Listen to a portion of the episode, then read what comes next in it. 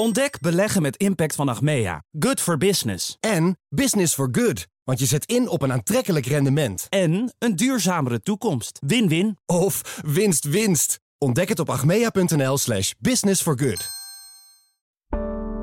Een goedemorgen van het FD. Ik ben Pauline Zuster en het is dinsdag 15 februari.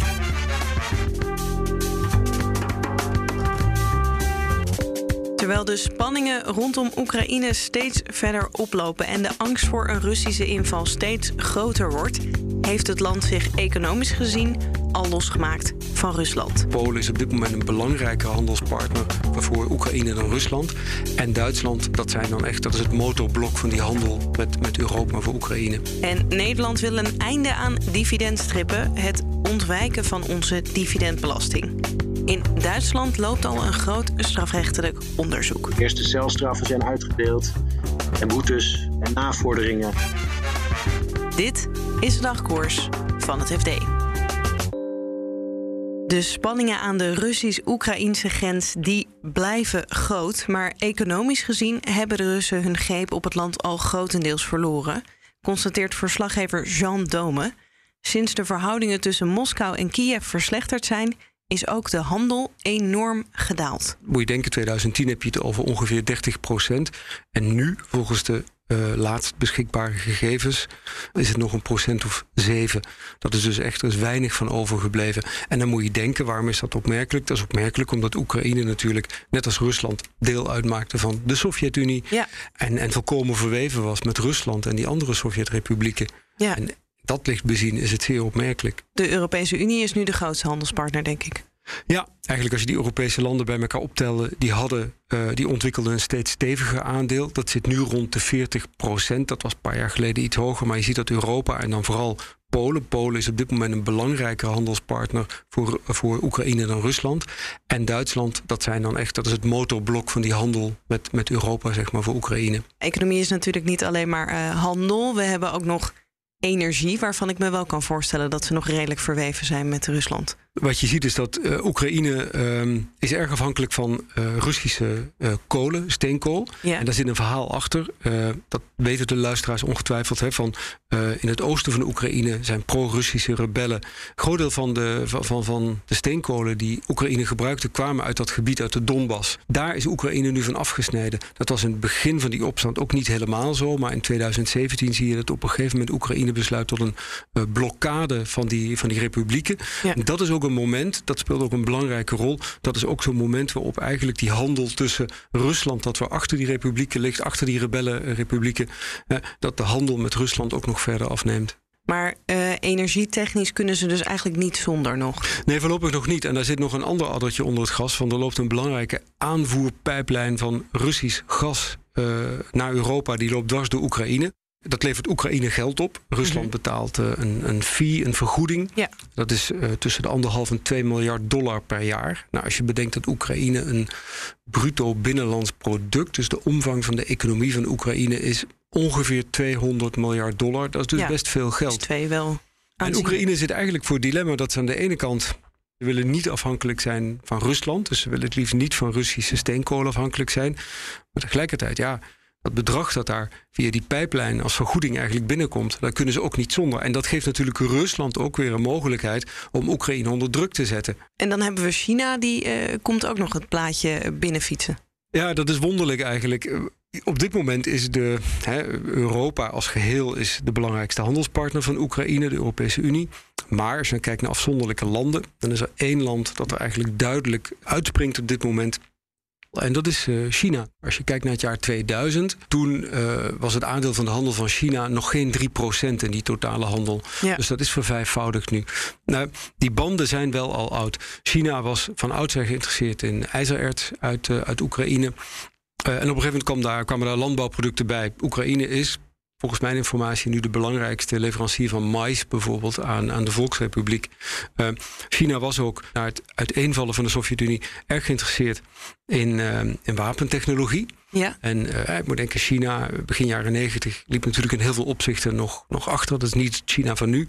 En Oekraïne was bereid om uh, op dat vlak met, uh, met China samen te werken. Ook als het om, om, om technologie ging. Ja, dus het is ook voor Xi wel een lastig pakket dat je eigenlijk tussen Poetin en Oekraïne eigenlijk wil je ze allebei te vriend houden. Een van de vragen is ook hoe China zich daarin opstelt. En we zagen natuurlijk die ontmoeting tussen Vladimir Poetin en uh, Xi Jinping voor het begin van, uh, van de winterspelen in Peking, waar ze grote eensgezindheid uitstraalden als het ging om hè, tegen uitbreiding van de NAVO en uh, allebei kritisch op de Verenigde Staten natuurlijk. En dan daar zou je uit af kunnen leiden dat Xi hè, Oekraïne laat vallen. Maar wat die Chinezen betreft denk ik dat je toch altijd je moet altijd, je zou willen weten, je zou moeten kunnen kijken naar wat er achter gesloten deuren wordt gezegd. En gezegd. En ik, ik moet nog zien dat uh, Xi inderdaad uh, Oekraïne zo hard laat vallen. Hè, Chinese belangen gaan verder. Ze hebben geïnvesteerd in, in havens. Uh, lijkt mij niet uh, in het belang van China dat die kapotgeschoten worden in geval van de oorlog. Uh, China heeft ook in 2013 al een flinke lap landbouwgrond geleased van Oekraïne.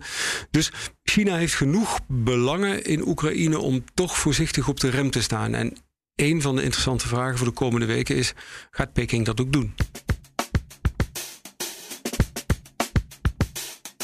Het ontwijken van onze dividendbelasting door buitenlandse beleggers wil Nederland stoppen. Want het kost de schatkist naar schatting elk jaar een miljard euro. In Duitsland loopt er al een groot strafrechtelijk onderzoek naar dit zogeheten dividendstrippen. Onze Duitsland-correspondent Gerben van der Marel legt nog even uit wat dit dividendstrippen nou precies inhoudt. Dividend is belast in Nederland, in het buitenland ook, maar ook in Nederland, met 15 procent. En dat is een voorheffing. Dat betekent dat die al meteen wordt afgetrokken. Um, uh, en als je nou in Nederland woonachtig bent of een instelling bent, dan kan je dat verrekenen met je inkomstenbelasting of je vennootschapsbelasting. Buitenlandse bedrijven kunnen dat niet. Dus wat doen zij? Al die aandelen die zij in bezit hebben, op hun boeken hebben, die parkeren ze tijdelijk bij een Nederlandse instelling. En die helpt ze dan met het verrekenen van die belasting. En het voordeel wordt onder die partij verdeeld. Dit speelt breder dan alleen Nederland, toch? Dit speelt veel breder dan in Nederland en het speelt ook al heel lang. En er zijn allerlei varianten en smaakjes. De meest agressieve variant wordt cum-ex genoemd. Uh, dat is de meest agressieve variant en dat heeft vooral in Duitsland plaatsgevonden, want in Nederland is dat al, langer verboden. En daar, heel brutaal, hebben partijen uh, twee keer, of twee verschillende partijen hebben de belasting teruggevraagd, terwijl er maar één keer betaald is. Dus met andere woorden, uh, er is een hele keten van transacties, van beurstransacties met kredieten en met het uitlenen van aandelen opgetuigd met als enig doel om dat gat in de wet, hè, het probleem wat eigenlijk de wetgever heeft veroorzaakt in Duitsland, hè, namelijk dat ze het niet konden controleren, werd er twee keer belasting gevraagd dat maar één keer was betaald. En dat heeft miljarden euro's gekost, heeft geleid tot een groot strafrechtelijk onderzoek. En uh, de eerste celstraffen zijn uitgedeeld en boetes en navorderingen. Uh, en vorige week nog is een, is een Duitse bankier tot, uh, tot meerjarige celstraf veroordeeld. En ABN AMRO, uh, die is daar ook bij betrokken, toch? Ze bedienen, ze hebben in ieder geval de Duitse markt bediend. maar ze helpen waarschijnlijk ook buitenlandse beleggers om in Nederland die belasting te ontwijken. en de Duitse fiscus, en niet alleen de fiscus, maar ook het Openbaar Ministerie, de Openbaar Aanklager, die zitten de bank op de hielen uh, en hebben ook al meermaals doorzoekingen gedaan in Frankfurt, financiële centrum van Duitsland, op zoek naar bewijsmateriaal dat de Nederlandse bank en zijn voorganger Fortis, hè, dat is gekocht, dat mm -hmm.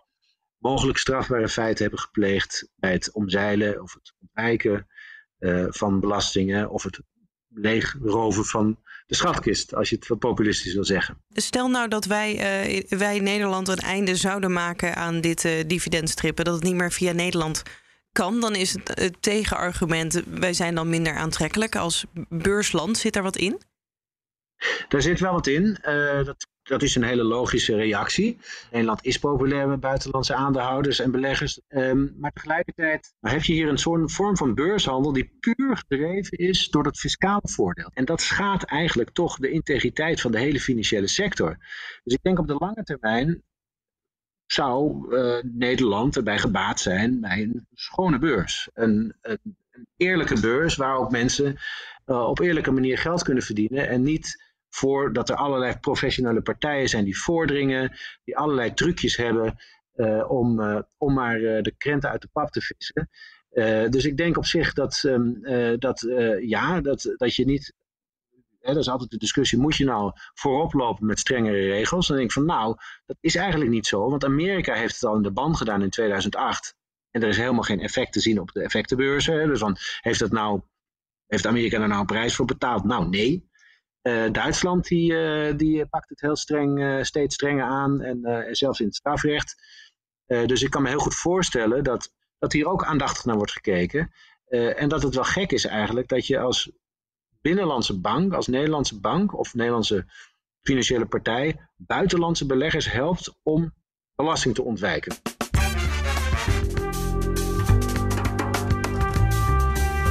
Dit was de dagkoers van het FD. Op fd.nl lees je meer over deze onderwerpen en volg je het financieel-economisch nieuws. Dagkoers volg je via je favoriete podcast-app. Zoek ons even op en klik op abonneren. Morgenochtend staan we dan weer voor je klaar. Een hele fijne dag en tot morgen.